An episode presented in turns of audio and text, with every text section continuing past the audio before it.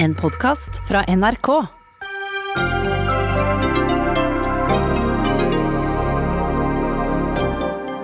Snart kan alle som selv mistenker at de er smittet av korona, kunne teste seg. Vi har ikke nok folk til å utføre testene, så hvordan skal det skje, spør Sykepleierforbundet.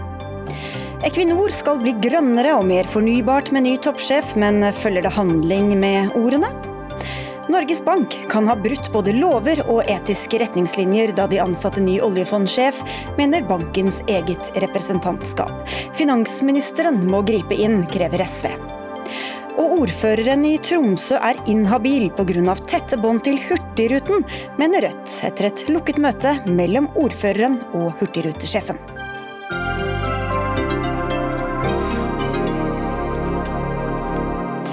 Dette er noen av sakene i Dagsnytt 18 i dag, med Sigrid Solund i studio.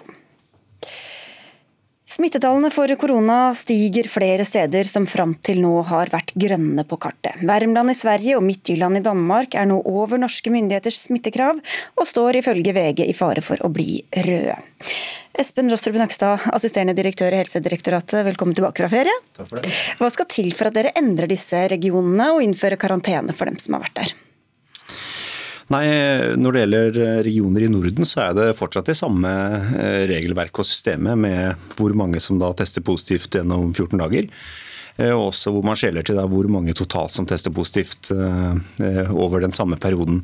Og Så ser man også på trender om det går opp og ned, og en del andre ting. Men hvor fort skjer det da? Nei, Dette vurderes i utgangspunktet hver 14. dag. og så har vi nå hatt noen uker hvor det har vært litt sånn vurderinger innenfor det også, bl.a. med Spania som vi husker, og en del andre ting som, som, blir varslet sånn litt utover det. Men planen er nå at det blir en ny vurdering eh, ca. hver 14. dag, med mindre da smittesituasjonen endrer seg veldig dramatisk, i hvert fall på landnivå da i Europa. Mm. Så det er ikke sånn at man får beskjed om at nå må dere komme dere ut i løpet av noen timer eh, hvis man befinner seg et av disse stedene? Nei, man kan si at eh, nå, først med Spania, så ble det varslet noen dager på forhånd, kan man si nesten som en service, eller i hvert fall for å hjelpe folk litt da, med å på en måte planlegge noen dager fram i tid. Eh, det er ikke sikkert det blir sånn nå med alle endringer, for disse endringene går ganske fort. Det skifter farger hele tiden i, i, både Norden og resten av Europa.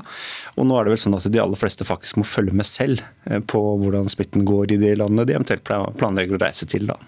Det har også vært stigende smittetall her til lands, og det har ført til at flere ønsker å teste seg for koronaviruset. Og det er flere som har klaga over at de ikke har fått teste seg, så hvorfor har ikke alle alle som har ment at de har vært i faresonen, fått lov å sjekke om de faktisk er smittet eller ikke. For et halvt år siden, så var det, i mars måned, så var det fordi vi ikke hadde testkapasitet god nok i Norge. Så har den blitt bygd veldig ut. Og nå i sommer så kan vi teste i prinsippet, i hvert fall analysere prøver fra 100 000 mennesker. Og etter sommeren så kan vi øke det til 200 000-300 000 per uke hvis vi må på analysesiden. Men disse prøvene skal jo også tas ut til en kommune, og da er det jo helsetjenesten i kommunen som da må jobbe med det. Og der er det veldig ulikt. Mange kommuner, over 300 kommuner, har jo ikke smittetilfeller i det hele tatt. Og så er det noen som har mange smittetilfeller. Så her har vi gitt klar beskjed til kommunene i flere uker at de må lage systemer som kan skaleres opp og ned etter behov. Og der vi akkurat nå er i en situasjon hvor alle kommuner må kunne teste 1,5% av befolkningen sin i løpet av en uke. Og får vi en skjær bølge, så må de kanskje dra det opp mot 5% Så det er målbildet som vi har gitt. Og disse ressursene som man da må ha for å teste, de har vi ikke, sier dere. Lill Sverresdatter Larsen, du er leder i Norsk Sykepleierforbund. Hvor er det det skorter? Jeg er veldig glad at du sier Nakstad, noen ting om eh, på at det går på analysekapasiteten, for den er jo god. Altså Reagensene som vi, som vi mangla i, eh, i, mars, har vi jo nå, og analysekapasiteten er god. Eh, men vi mangler de, de, de, fagfolkene, de ressursene, de helsepersonell som faktisk skal ta de testene og gjøre de, den testen. og Det er jo en viktig del av en testkapasitet. Og det er klart, det, det er en, De ressursene er ikke bare å knipse med fingrene, så er de på plass. Vi mangler 6000 sykepleiere, vi mangler rundt 2000 helsefagarbeidere. Så det det å gi kommunene ansvar for det er vel og bra, men det er også et myndighetsansvar å sørge for at man har den testkapasiteten. og det betyr, I mitt hode så betyr det at det kanskje må noen ekstra bevilgninger til kommunene. fordi at eh, Hvordan skal de ellers klare å øke en, en testkapasitet? Du må ha noen um, Du har de fagfolkene du har. Du må tenke på hva slags arbeidsoppgaver er det de fagfolkene skal gjøre. Er det sykepleiere som skal gjøre alt? Er det helsefagarbeidere? Er det bioingeniører? Hvem er det her? Og så er du nødt til å se på noen um, gulrøtter, og da må du ha noe penger å kjøpe gulrøtter med istedenfor pisk. Ja, fordi Når dere har sagt at dere kan teste mange tusen, hundre tusen i uka, så er jo ikke det helt uh, rettledende, da, så lenge ikke det finnes mennesker til å ta testene? Jo, men Det finnes mennesker til å ta testene, men det er klart hvis du ser på hele apparatet rundt prøvetaking, eller TISK, da, som vi kaller testing, isolering, smittesporing og karantene, så er det jo veldig mye ressurser som går med til å da ta telefoner, sette opp uh, systemer for når du kan testes, prøvelogistikk, utstyr. Det er masse ting som skal gjøres. Og de som faktisk tar prøven, nå stikker den prøvepinnen bak i nesa og eventuelt litt senere på høsten ber deg spytte i et glass for å ta en prøve, det er en del av pakka, men det er ikke hele pakka. Og det er klart, her Store kommuner som har titusener av ansatte, de har også folk til å bemanne dette. Men man må antagelig vri en del aktivitet. Og man bør ikke ta helsesykepleiere ut av skolen for, eksempel, for å gjøre det. Man bør ta andre. Og så må man jobbe langsiktig med det. Man må planlegge det godt. Og så må man eh, lage en plan for hvem som skal brukes hvis vi får økt smitte i, i nevnte kommune. Hvem er, det, skal, hvem ja, det en mann som skal lage planen? Det er kommunens ansvar å, å gjøre dette. Og så kan man samarbeide også interkommunalt. Eh, så det er mange muligheter her. Men eh, man, man kan bruke fastleger og andre i mindre kommuner hvor det ikke er veldig store volumer. Men i store byer så vil det å kunne ha en teststasjon f.eks. være kanskje det mest effektive. Jeg er også veldig glad for at du sier at helsesykepleierne ikke skal uh, tas ut. Det er særlig viktig for oss. Det er viktig for, uh, for barn og unge som uh, de har vært ute av, av, tjenestene sine med de lovpålagte arbeidsoppgavene for, for, barn og unge over en lengre periode. Og også faktisk i flere uker omdisponert lenger enn hva som egentlig var planlagt. Så det, det, det er viktig for oss. Samtidig så er det, det må være helsepersonell. Det kan ikke være hvem som helst. Det er ikke noen hender fra gata som kan settes inn i dette type arbeid. Det må ledes faglig av en sykepleier lege. Det må være helsepersonell med forståelse på smitte. smittevern det det? Kan ikke noen få en, en, opplæring i å ta disse testene under veiledning og med oversyn fra Absolutt. en som faktisk Under en faglig ledelse av noen med den kompetansen, så kan eh, mange nok eh, læres eh, opp til det. Men, men per i dag så har det vært veldig vanskelig å rekruttere. Vi har jo hatt ferievikarer inne nå, både medisinerstudenter, sykepleierstudenter og andre i mer administrative stillinger inn. Men det er veldig vanskelig å rekruttere både til koronatelefon og til testsentrene i ulike kommuner, bl.a. Oslo. Hvorfor det? Nei, det, det, kan du si. Det er kanskje igjen det er noe med gulrøtter her og mindre pisk. Nei, Jeg skal ikke uttale meg om helsepolitikken på dette, men det er klart det brukes veldig mye ressurser på dette fra staten. Altså Både tester, utstyr, smittevernutstyr. altså Det spyttes veldig mye penger inn i dette, også til kommunene. Eh, så her er det nok kanskje mer en praktisk organisering som, eh, som må til. Og jeg er helt enig at, at her er alle parter viktige, og, og, det er mulig å lære opp folk også til å ta prøver. Men helsepersonell må være involvert, absolutt. Eh, men det er da nesten 300 000 helsefagutdannede personer i dette landet, og vi har flere flere tusen registrert eh, som frivillige nå i database, nasjonalthelsepersonell.no. Så kommunene har en del steder de kan hente ressurser, men det må planlegges og settes i system. Og så er utfordringen da at hvis du går i flere måneder uten en eneste pasient, så er det litt tøft å skalere opp det på noen få uker når behovet kommer. Så det ser vi også, men, men det er vanskelig, men man må likevel gjøre det. Men så har dere sagt at fra og med onsdag så kan alle som selv mistenker at de kan ha fått covid-19 eller være smittet av korona, få gå og teste seg uten at legen skal vurdere det. Hvor godt rusta er vi til det med den mangelen som allerede finnes på helsepersonell? Vi er eh, russet på den måten at det de siste ukene har vært tatt ca. 25 000 i underkant av det. 25 000 prøver per uke i Norge.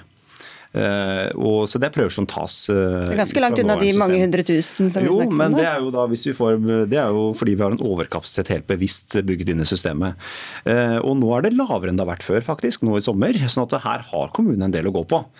Og så vil dette flytte seg litt fra kommune til kommune. Noen kommuner har en stor trøkk nå, andre har veldig lite. Men poenget er at alle kommuner må bygge systemer som sikrer at man evner å ta disse prøvene i hvert fall inntil 1,5% av befolkningen over en uke. Det må være langsiktig mål, og da må man jobbe for det med økonomi og med midler og planlegge godt. Og Det forventer jeg at myndighetene også jobber med, med tanke på at kommunene ikke har den kapasiteten. Det er veldig variabelt fra kommune til kommune også nå. Og så er det noen ting at Skal du ha den kapasiteten, så er det som du sier, noen omdisponeringer som også gjøres. Og det, går utover, og det har gått utover noen særlig sårbare grupper, som ruspsykiatri, og også demens og ikke minst barn og unge. Sånn at vi unngår de sårbare gruppene. Vi skal takke av deg, Lille Sverresdatter Larsen, men vi skal fortsette å snakke om eh, covid-19 og eh, om eh, smitteøkningen i Norge, hvor Indre Østfold er et av stedene som er rammet av økt smitte. I dag ble det registrert ni nye tilfeller. Der har kommunen innført forbud mot sosialt samvær mellom ulike husstander ut uka. Sykehjemmene stenges for besøk, biblioteker, svømmehaller, idrettsanlegg lukker dørene. Og i tillegg har de altså besluttet å stenge barnehager barnehager og skolefritidsordning. Og ordfører i Indre Østfold kommune fra Senterpartiet, Sakse Frøshaug, hvorfor dere disse, tar dere disse grepene som altså går utover de minste, som vi jo skulle skjerme? Altså Nå har vi ikke bare tatt innført tiltak som går utover de minste, men vi har eh, innført eh, omfattende tiltak som eh, favner så godt som alle innbyggerne våre på en ganske drastisk måte. Eh, at vi nå eh, går inn og stenger barnehager og SFO for en uke, hvor vi samtidig innskjerpe kraftig all sosial aktivitet i kommunen. Det gjør vi fordi at vi ikke skal få en langvarig nedstengning av skoler og barnehager. Det er faktisk det viktigste momentet vårt for å gjøre det vi gjør nå. Mm. For å få kontroll over situasjonen. Knipe det i begynnelsen før det, det eskalerer. Eh, generalsekretær i Redd Barna Birgitte Lange, dere er likevel bekymra for noen av disse tiltakene da, som går utover barna. Hvorfor det når det for én uke og bare for å hindre videre smitte. Vi er veldig bekymret for at man setter i verk tiltak, inngripende tiltak som rammer barn, uten at man har dokumentert effekt på om det virker. Og Fra vår side så er det ekstremt viktig at det er tungtveiende faglige grunner som legges til grunn når man iverksetter så inngripende og grunnleggende tilbud for barn og unge som barnehage og SFO. Og Dette er jo også i tråd med regjeringens anbefalinger om at barn skal skånes så langt som mulig. Mm. FNs barnekonvensjon legger jo kjempestor vekt på at barn skal høres i saker som angår dem. Barn har grunnleggende rett til lek og fritid. Barn har grunnleggende rett til læring, og det skal tungtveiende faglige grunner inn for at man skal sette i verk tiltak for barn, og man må vite at det har en effekt. Her er det barn som har opplevd stengte skoler, stengte barnehager, nå vært eh, isolert kanskje mange i, flere uker gjennom sommerferien. Hvordan vet dere at dette faktisk er virksomme tiltak? Ja, dette er det vi vet. Det er at eh, vi har barnehageansatte eh, som nå er smitta. Vi har foreldre som er smitta, som har vært med på innkjøring i barnehager. Vi har mange barnehageansatte og foreldre som er i karantene. Så hele systemet rundt eh, flere av barnehagene og SFO-ene våre er nå så hardt ramma at vi har funnet ut at det beste nå er å stenge ned, sånn at vi ikke får ytterligere smitte. Og Det beste for barna er vel heller ikke at dette drar ut i tid og eskalerer? Absolutt ikke men det vi er bekymret for, er at kommunene nærmest på autopilot stenger ned tiltak for eh, de minste barna. Vi er bekymret for at det stenges ned for fort, for lenge, uten målrettet tiltak. Og I tillegg til bredden av barn som har dette grunnleggende eh, rettighetene på denne type tilbud, så er jo vi spesielt bekymret for de sårbare barna. Og vi vet at i vår var grupper av barn og enkeltbarn som ble utsatt for vold, overgrep, omsorgssvikt, og som ikke fikk den hjelpen de burde ha. Og det må ikke skje igjen. Hvordan... Det vil jeg gjerne kommentere. Mm. fordi at eh, sånn, Når vi snakker om sårbare og utsatte barn, så er de, den, de forskriftene som vi har, nå har vedtatt, unntatt fra, fra, utelukkelse fra barnehage og SFO. Så de får faktisk gå på SFO Men så vet vi at det er ikke så mange foreldre som ringer og sier at eh, med ungen hjemme så blir han eller hun slått, så la oss ha barnehagen Nei. åpen for denne. Ja, men vi har god erfaring fra den praksisen som vi hadde i den første eh, perioden av eh, pandemien, hvor vi innførte de tiltakene. Så vi har rimelig god oversikt over hvem det gjelder. Og så sa Folkehelseinstituttet før sommeren at man ikke ønsker å stenge skoler og barnehager igjen. Espen Nakstad, er det nødvendig det de gjør her i Indre Østfold? La meg først si at eh, Det er klart det er viktig å ta flere hensyn når man gjør noe sånt. Eh, både til de sårbare barna og også til eh, smittespredningen. Og Det er mulig å gjøre når man kan gjøre det litt kontrollert og med erfaring, sånn som man tross alt har i Norge nå. Og det er klart Dette gjør man ikke i en kommune med mindre man kommer i en situasjon hvor man føler at man mister kontrollen på smittesporingen, og hvor det var viktig. Og så har vi fått ny kunnskap nå. Barn smitter barn. Vi har hatt stort utbrudd på skole i Lillestrøm kommune for noen uker siden. Vi vet nå mye mer enn vi gjorde før sommeren på at barn faktisk bidrar ganske betydelig til smitte smittespredning, akkurat som voksne. Eh, men det betyr ikke at det ikke er viktig da, å ta hensyn til sårbare grupper og tenke på dem på en helt annen måte nå enn man rakk å gjøre i mars. Eh, men det er viktig å ta ordentlig grep tidlig hvis man kommer i en sånn situasjon. Og jeg må si Det er et eksemplarisk måte man har gjort det på ut fra det jeg hører. Eh, og Tar man det tidlig, så vil man kanskje kunne komme unna med en uke eller to eller tre før man igjen kan spore alle smittetilfellene, og da kan man senke skuldrene litt og drifte veldig mye som før. Så, så det, er, det, er, viktig å være på ballen her også. Og uh, la meg understreke at Vår intensjon er ikke å rette kritikk mot en enkeltkommune som gjør det som er fornuftig for dette kan bli aktuelt for mange kommuner. Det vi er opptatt av er nettopp det, at dette kan skje i mange kommuner fremover. Derfor er vi opptatt av at nasjonale myndigheter nå gir føringer som sikrer en størst mulig for det første likebehandling av barn over hele landet.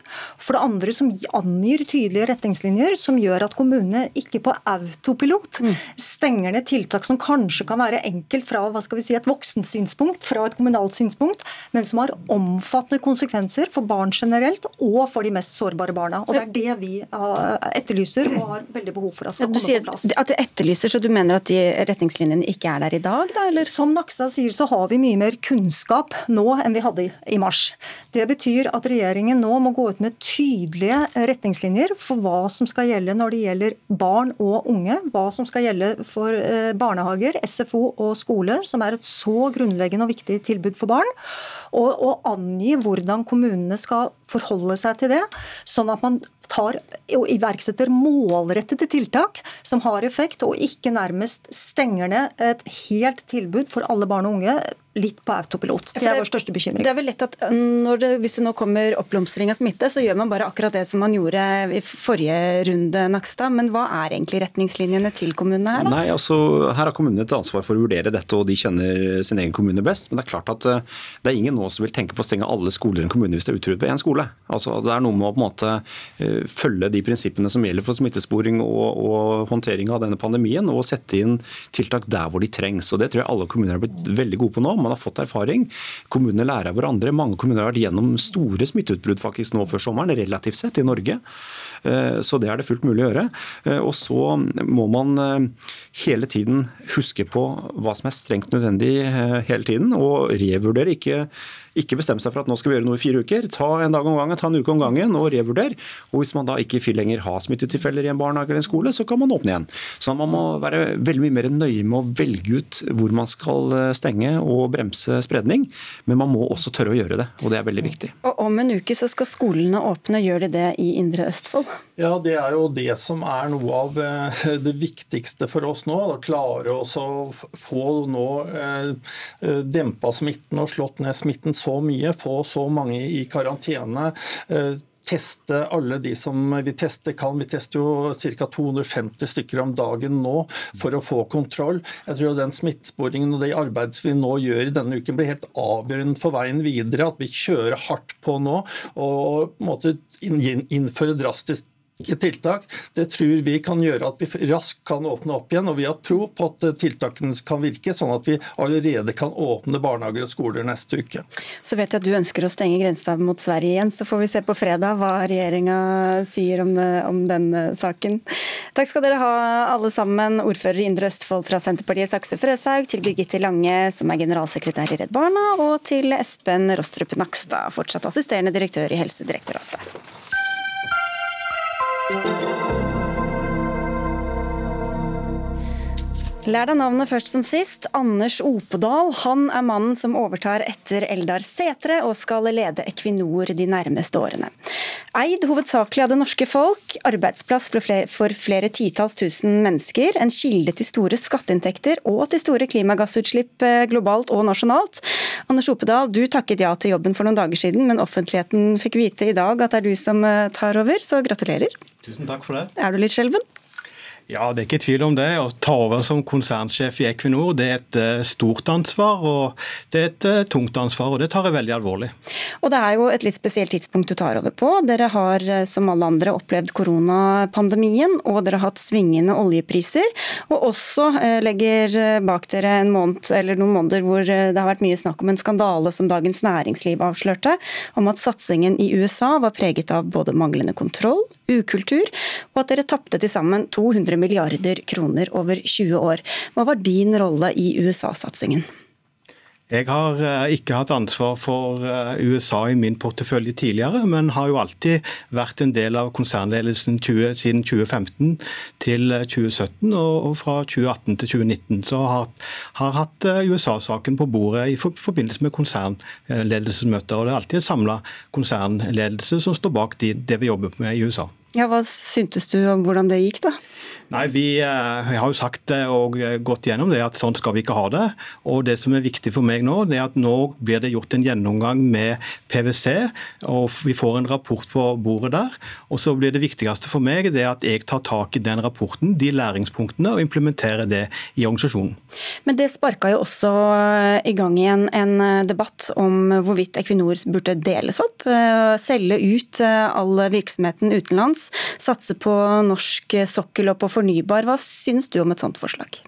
Nå har jeg akseptert eh, jobben som eh, konsernsjef nå. og eh, I den forbindelse så er min ambisjon av at jeg ønsker at vi skal bli et ledende selskap innenfor det grønne skiftet. Eh, og Det betyr at vi skal nå jobbe med å forbedre vår olje- og gassportefølje. Og så skal vi akselerere veksten innenfor eh, fornybar, og samtidig også veksten innenfor lavkarbonløsninger. Og Med den måten så vil vi også prøve å synliggjøre de verdiene på en god måte, så vi skaper innenfor dette. Men olje- og gassvirksomhet i andre land, hvor mye, hvordan vil dere satse der i forhold til å satse på norsk sokkel? Det som er kriteriet for eh, satsing på olje- og gassida, er verdiskapningen. Og Da vil vi se på hvor vi tjener mest eh, penger. Og ikke minst så vil vi bruke vår konkurranseevne. Vi vet at vi er blant de verdens beste på offshore olje- og gassutvinning. Eh, og vi vil søke de mulighetene framover. Mm. Men uh, hvis du ser på den verdiskapningen siden Statoil, som det da het før, ble børsnotert i 2001, så har dere investert 800 milliarder i land utenfor Norge. Ifølge en analytiker i ABG Sundal Collier så satt dere i fjor høst igjen med en avkastning på totalt 3,57 milliarder kroner etter alle disse årene, skriver Dagens Næringsliv. Så hvor vellykka har de vært disse 19 årene med utenlandssatsing, vil du si? Vi har hatt uh, noen gode prosjekter internasjonalt, og vi har hatt noen mindre gode prosjekter internasjonalt. Det som er viktig nå, det er at vi... Og, og jevnt, jevnt over nesten ingen avkastning etter 19 år. Ja, og Det betyr at uh, vi må nå eh, forbedre og fokusere vår portefølje internasjonalt også, slik at vi kan øke denne avkastningen i framtida. Fokusere, hva betyr det? At dere skal satse enda mer internasjonalt, eller? Det betyr at vi skal se på den, eh, de mulighetene og de lønnsomhetene vi har på våre prosjekter internasjonalt, samme måte som på norsk sokkel. og Så får vi komme tilbake til det, hva det betyr i rene eh, transaksjoner. Men, men, hvor godt vil du si at, det har gått så langt? Vi kan sikkert gjort det bedre på noen områder, og så har vi gjort det bra på noen områder. Men dere har jo da fått kritikk for utenlandssatsingen, ikke bare pga. dette, men også av miljø- og klimagrunner. Oljesand i Canada, planlagt oljeboring i Australbukta. Det første har dere solgt dere ut av, det andre er vel lagt på is. Men Equinor er fortsatt investert i amerikansk skiferolje, noe av den minst miljøvennlige oljen. Hvorfor skal Equinor drive med det? Nå eh, blir mitt utgangspunkt når jeg starter 2.11. å ta tak i den porteføljen sånn som man er, og se framover. Det som er nå, det er at den største utfordringen vi har framover, det er klimautfordringen.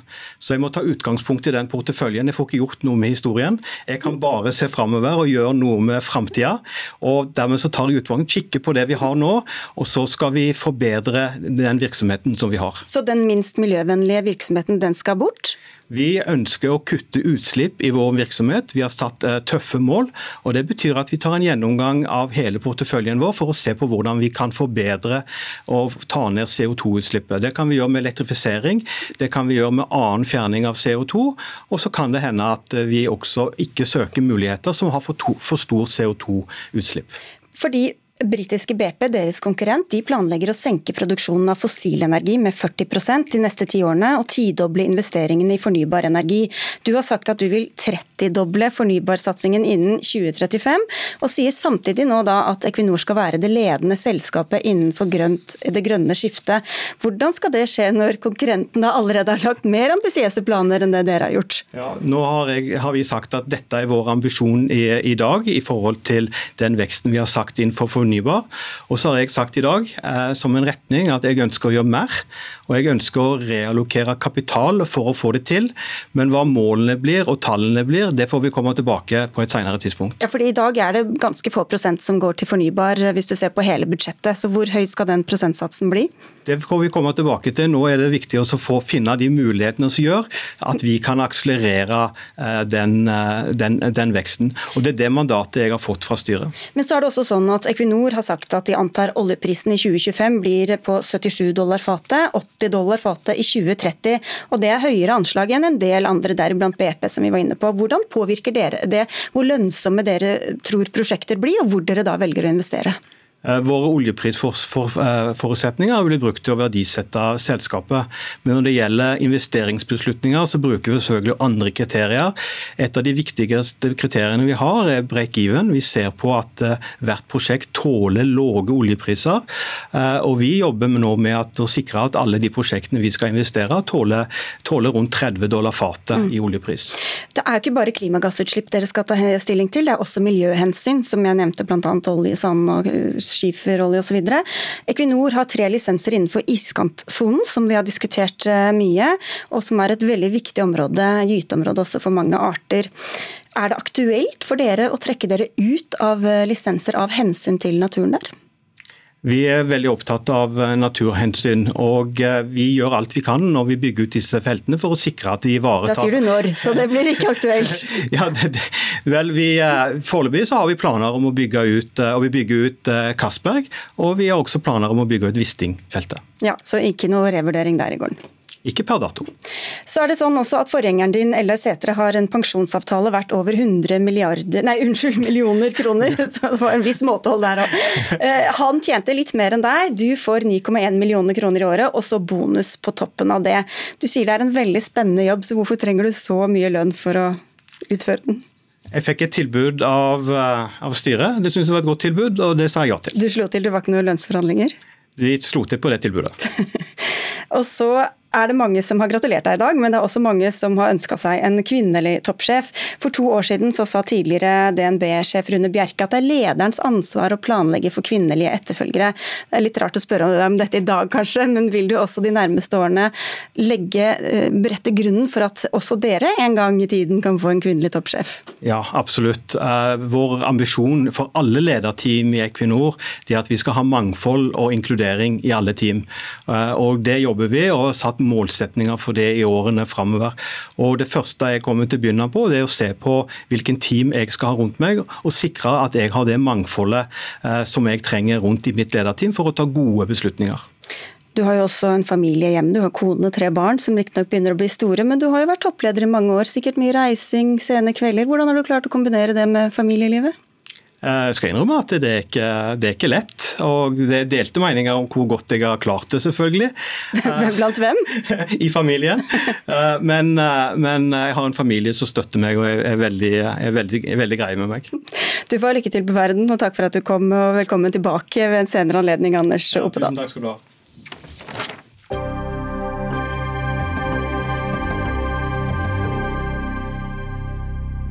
Er bindingene mellom Tromsøs ordfører og Hurtigruten så mange og tette at han burde erklære seg inhabil? Det skal vi diskutere mot slutten av Dagsnytt 18, men først til en annen sentral sak om mulige interessekonflikter. I fem måneder har nemlig Norges Bank måttet svare på spørsmål om prosessen som førte til at Nicolai Tangen blir ny sjef for Statens pensjonsfond utland, altså oljefondet fra 1.9. Et av ankepunktene mot Tangen er at han eier 43% av investeringsselskapet Aco Capital, og allerede har oljefondet måttet stanse prosessen med å kjøpe aksjer i et selskap fordi Tangen hadde eierinteresser der. Det kom fram under en ekstraordinær høring i Stortinget i dag. Men Cecilie Langen Becker, økonomikommentator i NRK, et skritt tilbake først. Hvordan og hvorfor havnet denne saken i Stortinget? Ja, Det er jo uh, tre uh, ting her primært. Det er jo for det første, som du sier, altså, det er selve ansettelsesprosessen. Han ble ikke ført opp på en offentlig søkerliste. Han kunne stått uh, anonymt, det gjorde han ikke. og Det burde han gjort, og det er også sentralbanksjef Øystein Olsen erkjent. At han burde ha håndtert dette bedre, som han sier. det andre er jo da at han skal fortsette å sitte som en stor eier i Alco Capital, samtidig som at han er oljefondsjef. Det kan skape interessekonflikter. og så er det tredje er jo dette med skatteparadiser. Eh, flere av Tangens fond er investert gjennom skatteparadiser. Det samsvarer dårlig med holdningen til eh, oljefondene. Eh, som, de har til skatteparadis. Så det er tre forskjellige ting her. Det har representantskapet, som er da tilsynsorganet til Stortinget, tatt tak i. De har sendt et brev til Stortinget, som da har bestemt seg for å ha en høring i dag, der hvor det var sterk kritikk fra representantskapet, som da Øystein Olsen måtte svare på. Hva var det mest interessante som kom fram, Hanne Skartveit? Du er altså politisk redaktør i VG. Det var mye, eh, men kanskje eh, mest alt dette hvor lett han hadde tatt på, på telefonen han fikk fra Jan Tore Sanner, finansministeren, få dager før ansettelsen ble kjent av Tangen. Den telefonsamtalen har vi kjent til, men eh, det at han ikke hadde redegjort for verken forutsetninger for, for, fra Tangen for at han skulle eie dette fondet videre, eller den pågående skattesaken, det at han hadde sagt på slutten at ja, jeg er fortsatt bekymret, og at Olsen allikevel bare går videre på det, er overrasket nok eh, representantskapet, bl.a. FrPs Limi, som sa at eh, hadde han visst de forretningsforutsetningene, så ville han vært enda mer bekymret.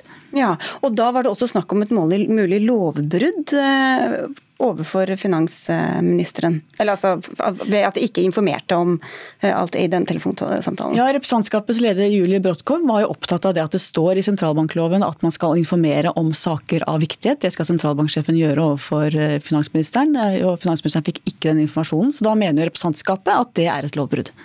Og det, bare for å komme litt inn på der, at uh, hvert fall nå Ifølge Finansdepartementet og de undersøkelsene som de har gjort nå, uh, så mener de at det ikke er brudd på sentralbankloven, fordi her har man da som uh, der har sentralbanken opptrådt som kapitalforvalter. sånn at Hvis man skal følge lovens bokstav, så er det faktisk ikke et lovbrudd, som representantskapet hevder. Så du, du hører det er, ganske, det, er, det er, fortsatt ganske mange ting som henger litt i luften her, men hvert fall akkurat det punktet forsøker hvert fall Finansdepartementet nå å, å rydde vekk vekk. Og så er det ganske ulike ord som blir brukt også. Um, Olsen, altså Øystein Olsen, sentralbanksjefen, han sier at interessekonfliktene til Tangen, eller de mulige sådan, er demmet opp for ved ethvert praktisk tilfelle, mens representantskapet snakker om å eliminere interessekonfliktene. Hva ligger i dette? Altså det, det, blir litt sånn uh, forskjellen på 100% og 95 eller, eller noe rundt, uh, rundt der. Da. Altså Representantskapet vil at interessekonfliktene skal være 100 uh, borte. Eh, hvis de skal være 100 borte, eh, hvis man skal se for seg en sånn avtale, det vil jo egentlig si at Tangen må selge alt og kutte alle bånd.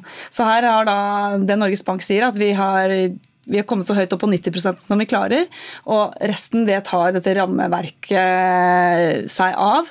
Eh, som de da har et system for når det inntreffer disse andre prosentene der hvor det kan eh, komme noen interessekonflikter. Så de er ikke eliminert da, som sådan, Anne Skartveit? Nei, og det er jo dette som er kjernen er de eliminert eller ikke? Og vi vet jo nå at Arbeiderpartiets leder Jonas Gahr Støre var tidligere i sommer ute og sa at de må elimineres.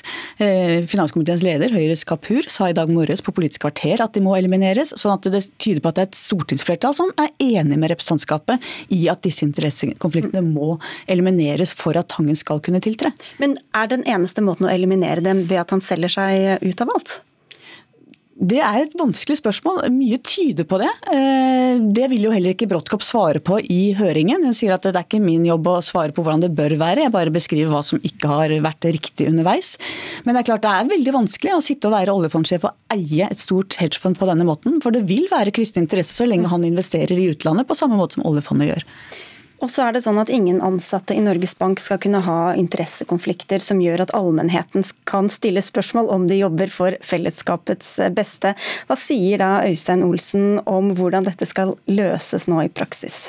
Altså de sakene hvor man finner ut at eh, Nicolai Tangen er inhabil, eller det kan være en interessekonflikt, da skal visesentralbanksjef Jon Nicolaisen eh, tre inn eventuelt. Og så eh, skal de løse det på den måten. Men Man har vel ikke en klar oppskrift, men de mener at systemet skal være godt nok på plass rundt Tangen, sånn at man ikke kommer Men det er jo klart at det kommer til å være støy rundt dette også etter at han tiltrer 1.9. Hver, hver gang, altså det, det, Med jevne mellomrom så får man disse spørsmålene. Er det en interessekonflikt her? Og det vil, det vil jo skape mye støy og en veldig bratt eh, motbakke for Nicolai Tangen når han starter. Så han har jo mye, mye å, å, jobbe med når han da begynner. Fordi så vidt Nicolai Tangen vet, så skal han begynne i denne jobben 1.9. Det er det han nå forholder seg til. Dette representantskapet og sentralbanksjefen, hvordan vil du beskrive hva skal vi si om forholdet der mellom eh, Skartveit nå?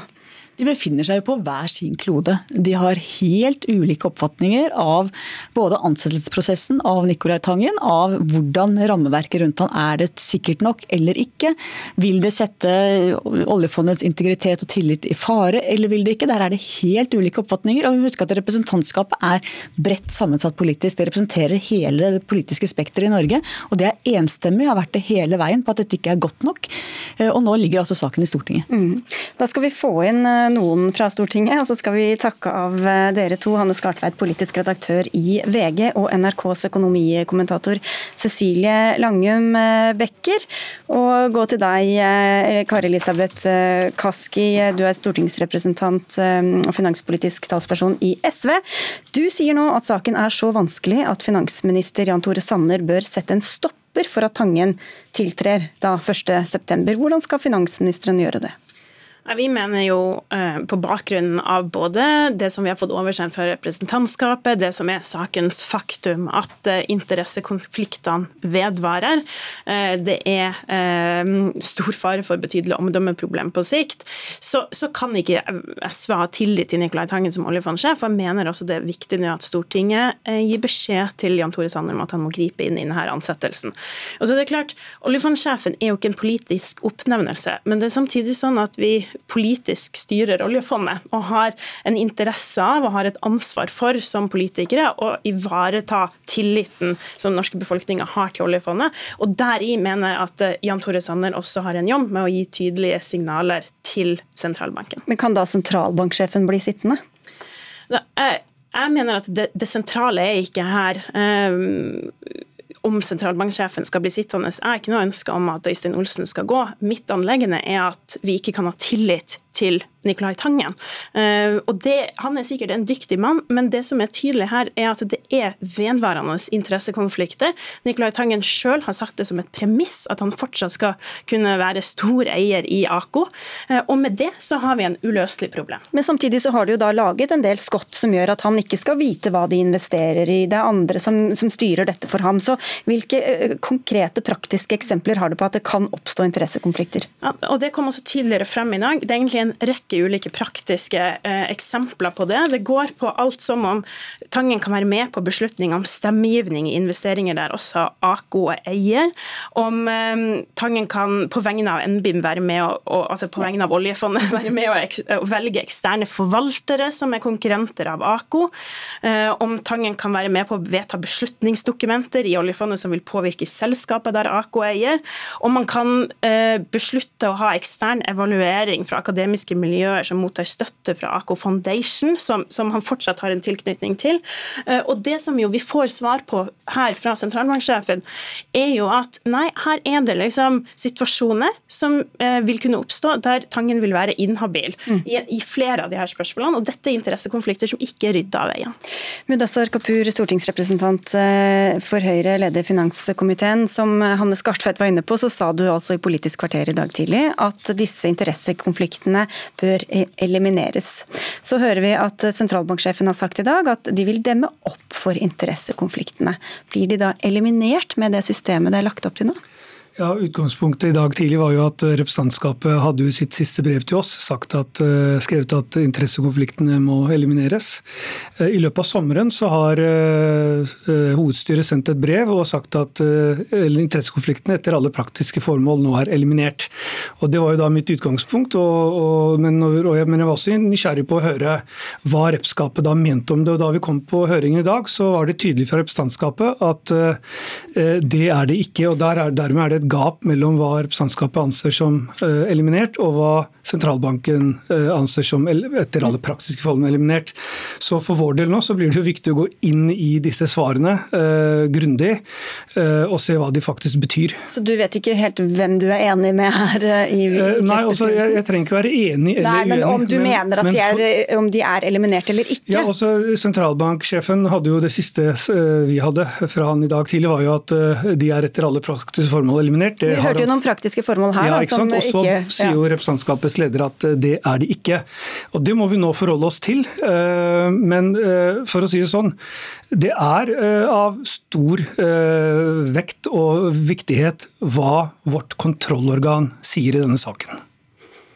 Men samtidig, altså Tangen han har jo ikke i seg selv eh, gjort noe galt. Jeg tviler jo på at han vil på en måte prøve å berike seg selv og med alt det søkelyset, ikke at han ville det fra før av. Men hvorfor ikke bare ha tillit til at dette faktisk går bra, Kaski, når også kontrollrutinene er såpass strenge som de er? Fordi oljefondet nå er det, ja, det er helt uh, avgjørende at vi klarer å forvalte det på en god måte. Det har norske politikere klart i mange år samla, uh, eh, og det må vi klare i årene framover. Og da kan vi ikke risikere noe knytta til tilliten og omdømmet til oljefondet. Og Nicolai Tangen har satt som premiss at han skal kunne ha et stort eierskap i AKO videre, selv om det innebærer i seg selv en interessekonflikt med den jobben han skal ha som sjef for oljefondet. Nicolai Tangens historikk og AKO sin historikk også når det kommer til selskapsorganisering i skatteparadiser, eh, som, som har vært en organisering som et som eh, ja, for alle praktiske formål ser ut som det er av skattehensyn, er også veldig vanskelig å se at skal kunne henge sammen med eh, den jobben han skal kunne gjøre som leder av, av oljefondet, også når det kommer til skatteetikk. Det er helt åpenbart et stort gap her. Og AKO vil fortsatt være registrert og ha fond som er registrert i skatteparadiser. Så jeg syns det er flere ting som, som, gjør at det er vanskelig å kunne se for seg at han den, kan utføre den jobben på en måte som sikrer bred tillit til oljefondet. Hvor viktig er dette skatteparadispunktet for dere i Høyre? Altså, eh, det, det, som går på uh, hele tematikken skatteparadis, er jo noe som er viktig for uh, oss i Høyre uh, og regjeringen, og ikke minst Norges arbeid med disse spørsmålene. Men som igjen, med det, ja. som igjen danner grunnlag for at det norske oljefondet har jo vært i bresjen i, på dette området i sine forventningsdokumenter. Kort fortalt så handler det nå om at man skulle, skal kunne forvente det samme av en ansatt i Norges Bank som man har i sine egne forventningsdokumenter. Men dersom det skal gjøres en mer utvikling på det feltet, altså spisse det mer, eh, gjøre det strengere eh, for fondet, så er det noe man absolutt kan diskutere nærmere i en fondsmelding. fordi en endring der vil jo igjen kunne gjelde som eh, et viktig premiss for hva som da er et forventningsdokument. Så hvis oljefondet skjerper kravene, så må Tangen finne en annen organisering? Nei, også, altså, eh, jeg mener at Det bør absolutt være mulig å adressere eh, spørsmål om skatteparadiser i en sånn debatt, men da må man gjøre det riktig sted. Også hvis, eh, fordi Hvis forventningsdokumentet er grunnlaget for hvordan Tangen også kan være investert i disse landene, så er det jo i så fall en endring gjennom en fondsmelding. En endring der vil jo selvfølgelig påvirke dette. Mm, spørsmålet er om Tangen vil kunne lede den jobben med troverdighet nasjonalt, men ikke minst internasjonalt overfor alle de selskapene som oljefondet skal påvirke. Og Det er det jeg stiller store spørsmål ved. Skal huske på at Det, det systemet man kommer ifra, da, AKO som man selv har, har etablert og selv har leda, det har organisert seg i flere ulike skatteparadiser med, med ulike selskaper som har skjøvet penger mellom seg, som for alle praktiske formål ser ut som det har handla om skattehensyn og redusere skatteregninga si. Det er en av de store utfordringene med skatteparadiser. Det går det forventningsdokumentet rett inn i når man sier at skatt skal betales i de landene der verdiene skapes. Og Her mener jeg at det er et gap. og Så er det da eh, nettopp det riktige tenker jeg, å stille spørsmål om Tangen kan lede et sånt type arbeid med troverdighet. Kan han det? Det er jo noe representantskapet har sett på. Det de peker på er at eh, det må være i henhold til de forventningsdokumentene fondet har for, for eh, de selskapene investerer i. Og da, da, må vi legge til grunn at det er det som er, er, er, det man kommer til å følge fremover. Men vi er åpne for at man selvfølgelig må gå inn og jobbe med eh, problemstillingen eh, skatteparadiser. Men eh, det er jo, eh, uten at jeg skal foregripe noen begivenheter, men det å gjøre det i forbindelse med en ansettelseskontrakt, det er jo først og fremst forventningsdokumentet lages men samtidig så, så vektlegger jeg det også fordi at representantskapet peker på det. så Det er i tråd med den saken som vi skal behandle. Representantskapet har vært opptatt av dette hele veien. De har stilt flere spørsmål til hovedstyret på det. Og, og Julie Brått leder for representantskapet, fulgte opp det i dag fordi de mener de ikke har fått gode nok svar. Så her tenker jeg at det er en sak å forfølge videre. Når du sier det, så kommer jeg på at vi også har invitert Julie Bråttkorp og Øystein Olsen, men ingen av dem har uh, takket ja til å, til å, komme hit. Men på tampen her, Kapur, som det ble nevnt tidligere her også, så har finansministeren uttrykt bekymring i en telefon med sentralbanksjefen for, uh, for, disse, for kontroverser rundt denne ansettelsen, og han fikk ikke vite om uh, alt det som var aktuelt med dette eierskapet i, i AKO. Hvordan ser du på det? Dette er informasjon som, altså Detaljene eh, fikk vi eh, på høring i dag. Det at det har vært en telefon har vært kjent gjennom svar på et skriftlig spørsmål stilt til statsråden tidligere. Så dette er informasjon som kom i dag. Det må vi bare ta med oss i prosessen videre. Og så må vi rett og slett eh, adressere det i behandlingen. Det er vanskelig for meg nå å, å kvittere det ut på tampen på den måten, men, men, det kom opp ny informasjon i dag, og det må vi bare ta med oss inn i arbeidet. Og Hva er arbeidet og prosessen videre nå, da? Du, nå skal komiteen jobbe med eh, å gå gjennom hele høringen. Det er blitt stilt en en rekke spørsmål over to timer. For oss blir det viktig å gå inn i de. Så skal jo partiene skrive sine merknader, og komiteen skal avgi sin innstilling, eh, om jeg ikke husker helt feil, rundt 21.8. Eh, det er planen. Og Hva kan da være de ulike resultatene i den innstillingen? Hva kan en sånn innstilling være? Det kan være mange utfall i en sånn sak. Jeg skal ikke foregripe noen begivenheter, men det kan stille spørsmål, det kan være merknader. og Merknader høres ikke så spennende ut. Merknader tror jeg vi kan si at det blir uansett. Eh, men, men, spørsmålet er jo hva konklusjonen er. Men jeg tror jo det, det, skal vanskelig ses at Stortinget her skal ta avstand fra sitt eget representantskap, sitt eget kontrollorgan, i sine konklusjoner. Det får vi se på. Takk skal dere ha i denne omgang, Kari Elisabeth Kaski fra SV og Mudassar Kapur fra Høyre.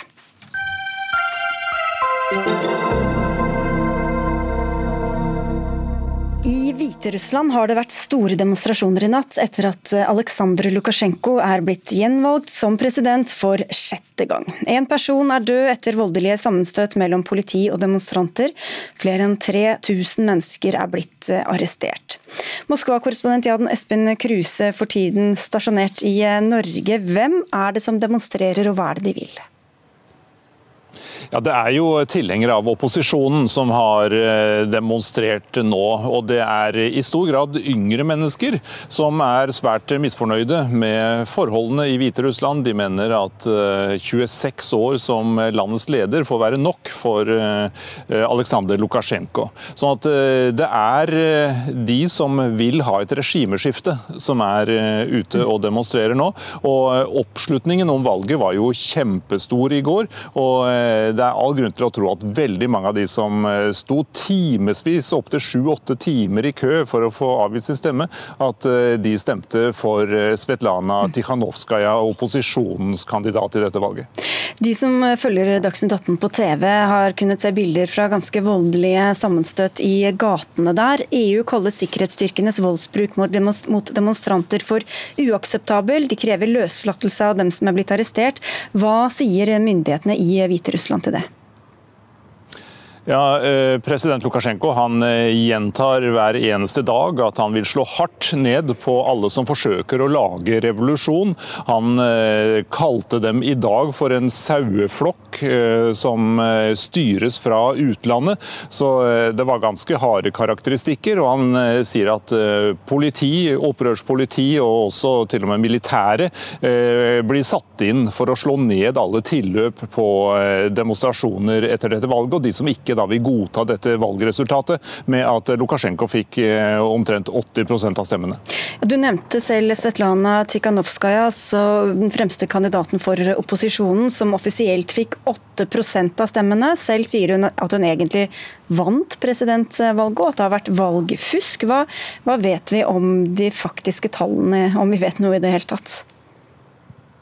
Nei, Vi vet ikke så veldig mye om det, men opposisjonen hevder at eh, de har, for, de har gjort sine selvstendige eh, valgdagsmålinger, og at deres inntrykk er det stikk motsatte. Altså at Tikhanovskaja har fått 70-80 av stemmene, eh, mens Lukasjenko har fått tilsvarende lite. Sånn at Her står det veldig sterkt påstand mot eh, påstand, men det har jo altså ikke vært noen internasjonale valgobservatører til stede, så man vet veldig lite egentlig om hva som er den reelle situasjonen. Men en eh, uavhengig kommentator som jeg snakket med rett før valget, han eh, sa at Lukasjenko eh, i frie og normale valg kunne regne med å få en 30-35% av stemmene. Så at han har fått 80% det er det veldig veldig mange som mener er høyst usannsynlig. Og Tikhanovskaja har altså forlatt leiligheten sin. Hun har gått i dekning. Flere av valgkampmedarbeiderne hennes er blitt pågrepet. Hva kan skje med henne potensielt, tror du? Ja, grunnen til at hun har gått i dekning er jo rett og slett at eh, tidligere eh, års presidentkandidater, flere av dem eh, som har kritisert Lukasjenko, de har jo blitt fengslet etter valget. Og noen av dem har sittet mange år i fengsel. Sånn at det her er en, nå som det pågår uroligheter, så er det all grunn for henne til å holde seg unna demonstrasjonene. Hun har sagt i år at, i dag at hun ikke kommer til å delta i demonstrasjoner som er tillyst i kveld, for å hindre provokasjoner fra myndighetenes side, som hun eh, sier. Og Hun krever også altså, at eh, det skal være en ny opptelling i eh, dette valget, og hun mener helt bombastisk at det er hun som har vunnet valget. Dermed står man nå med to presidentkandidater som har erklært sin seier, og det er, fører naturligvis til en ganske kraftig krise. Men Lukasjenko, som altså sitter, og som har sittet lenge, han blir kalt for Europas siste diktator. Han er kjent for systematisk undertrykkelse, som du beskriver også, av politisk opposisjon. Hvordan er samfunnet i Hviterussland preget av dette? Ja, eh, Det er jo blant tilhengerne av opposisjonen som hadde sett for seg en mulighet for forandring omsider. altså Et regimeskifte er jo veldig skuffa nå. Eh, men vi skal ikke glemme heller at eh, blant den eldre garde er det en god del som støtter Lukasjenko. Og det er ikke bomsikkert hvem som ville vunnet hvis valgene hadde vært frie og rettferdige. Den eldre garden vil sette pris på sine små, men punktlig utbetalte pensjoner er redd for å miste dette hvis eh, store omveltninger skulle skje. Men i det hele så er det kommet altså en ny politisk giv i det hviterussiske samfunnet. Veldig mange mennesker har engasjert seg, og hovedsakelig da på Tikhanovskajas og opposisjonens side. Og det ser ikke ut til at de er villige til bare å, å slutte å demonstrere og vise sin misnøye. De vil ha gjennom endringer. Takk, Jan Espen Kruse.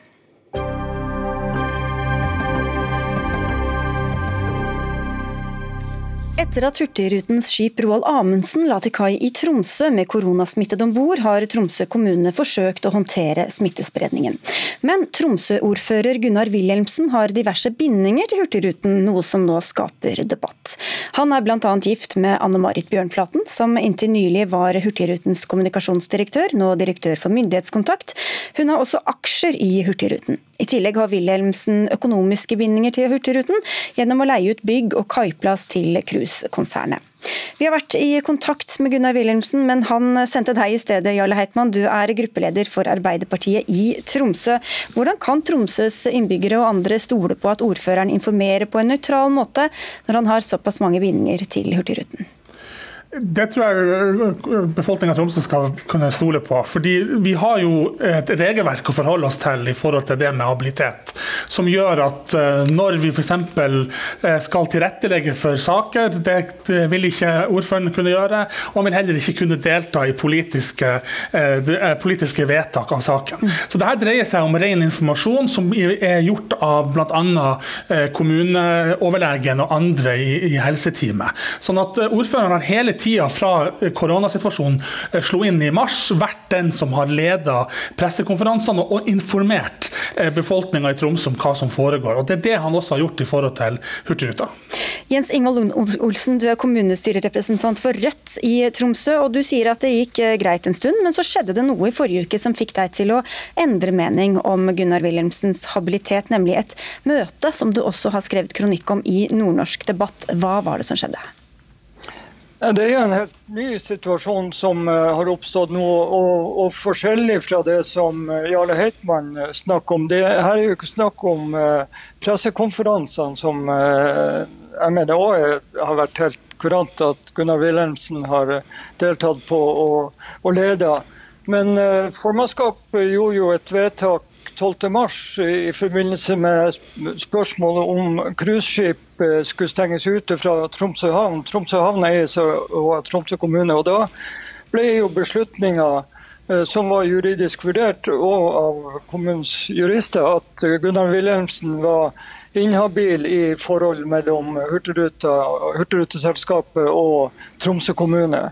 Og når han nå sist torsdag, som han innrømmer sjøl, har deltatt i et møte med konsernsjefen Daniel Skjeldam i Hurtigruten Group, uh, uten at noen fra administrasjonen har vært til stede i, på toppen av det hele, så er jo det her helt klart i strid med den inhabilitetserklæringa eller beslutninga som ble gjort i, mm. i mars.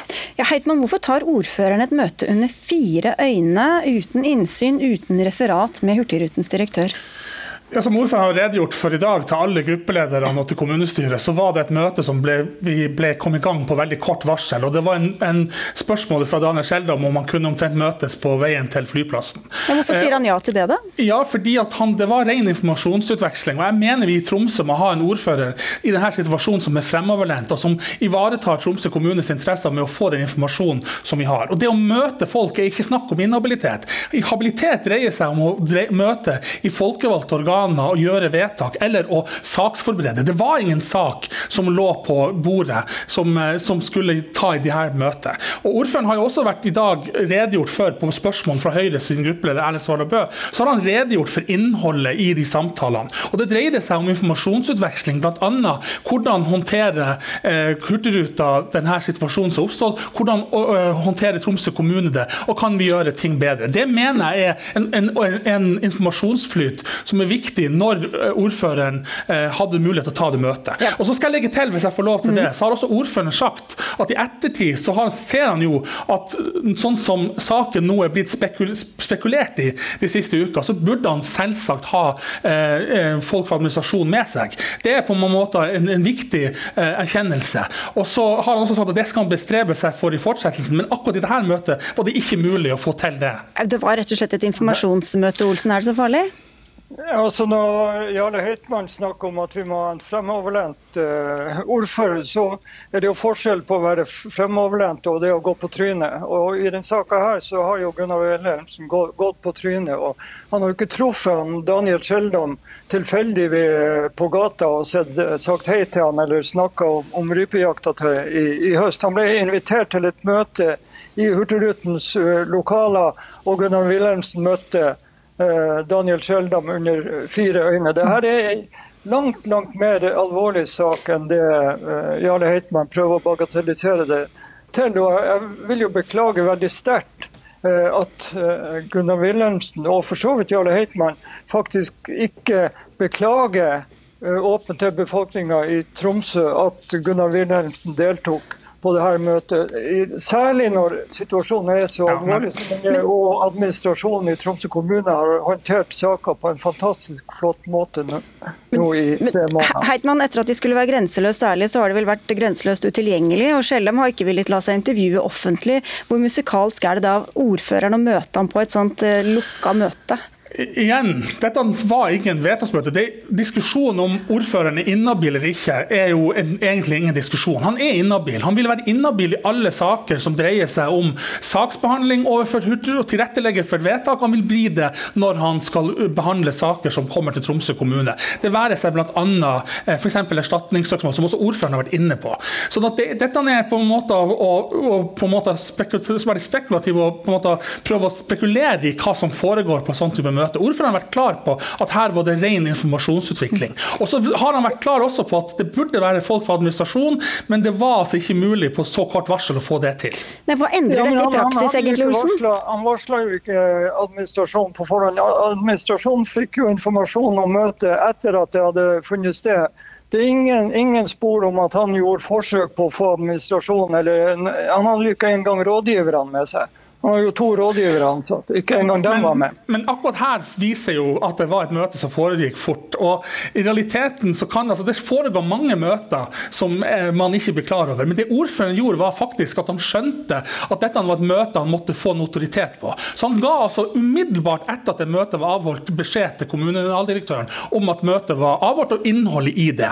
Og I dag har han redegjort for gruppelederne eh, på hva som er innholdet i det, og han er altså inhabil når det kommer til til å tilrettelegge og ja, gjøre vedtak. For, for, nå går vi mot slutten her, men eh, Jens Ingvald Olsen eh, fra Rødt, hva har det da egentlig å si, hvis han var inhabil egentlig i alle sånne beslutningsspørsmål fra før av? Eh, hva, hva, får det å si i praksis at du nå også har mistet, eller mener at han er blitt inhabil på nytt, på en måte da? Ja, altså, han er jo inhabil hele døgnet. Han er jo ikke bare inhabil under kommunestyret og formannskapet sine behandling. Han er jo inhabil 24 timer i, i døgnet, og, og, han kan jo selvsagt ikke ha møte med konsernsjefen i, i Hurtigruten. Og det er jo eneste hvis du har en grenseløs tillit til Gunnar Wilhelmsen, helt, helt uh, uten forbehold i det hele tatt, Eh, så kan du jo eh, si at da eh, gjelder ikke habilitet eller inhabilitetsbeslutning i forhold til Gunnar Wilhelmsen.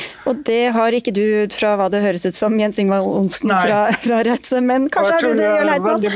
Ja, vi må det gjøres ikke vedtak i sånne samtaler. Det gjøres i kommunestyre og formannskap. Takk, Jarle Heitmann, gruppeleder for Arbeiderpartiet i Tromsø, for at du var med i Dagsnytt 18, som er over for denne gang. Dag Dørum hadde ansvar for den. Stein Nybakk teknisk, hadde teknisk ansvar, og jeg heter Sigrid Solund.